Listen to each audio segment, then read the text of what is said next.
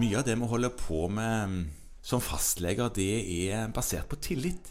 Ja, tillit er ganske sentralt i et velfungerende samfunn og i sosial interaksjon. Ja.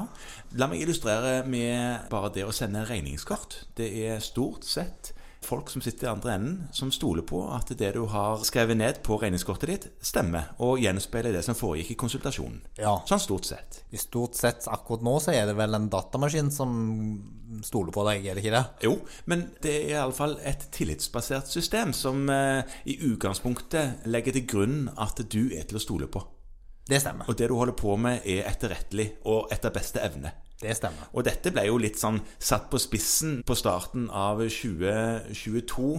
Sto i fare for å være personlig ansvarlig, eller få personlige bøter, dersom man bomma på diagnosekodene på blåreseptene man skrev. Ja, og det som ble utfordra der, var jo kanskje nettopp tilliten. For på den ene siden så prøvde de seg jo med å si at ja, men vi har tillit til det dere gjør. Vi skal først prøve på andre ting, men vi vil ha dette riset bak speilet fra det om. Men vi tenker at vi stoler ikke mer på dere enn at vi har tenkt å ilegge, ilegge dere en personlig bot hvis dere gjør noe feil. Ja.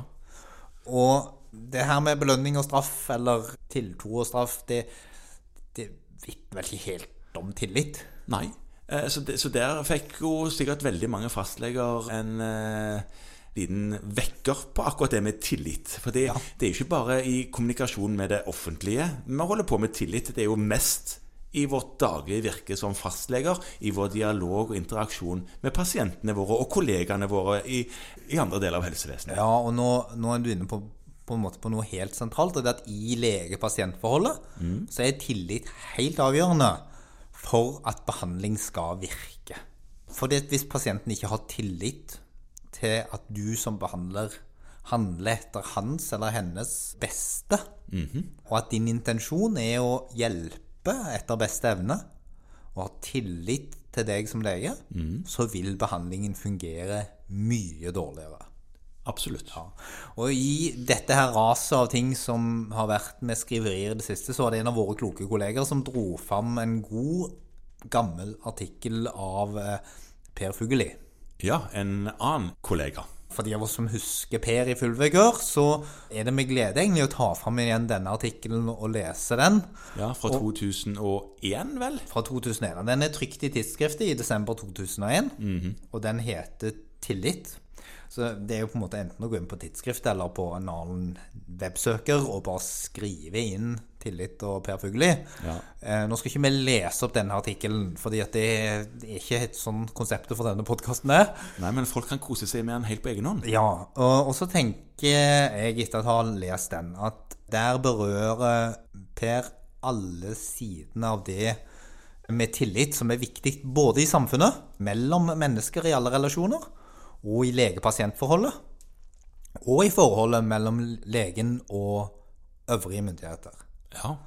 Og vise hvor utrolig sentralt tillit som utgangspunkt er for at behandlingssystemet og egentlig hele samfunnet skal fungere. ja.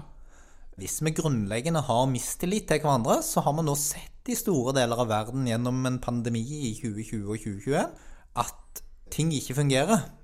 F.eks. For fordi at befolkningen ikke har tillit til myndighetene. Da vil de ikke vaksinere seg. De vil ikke overholde tiltak.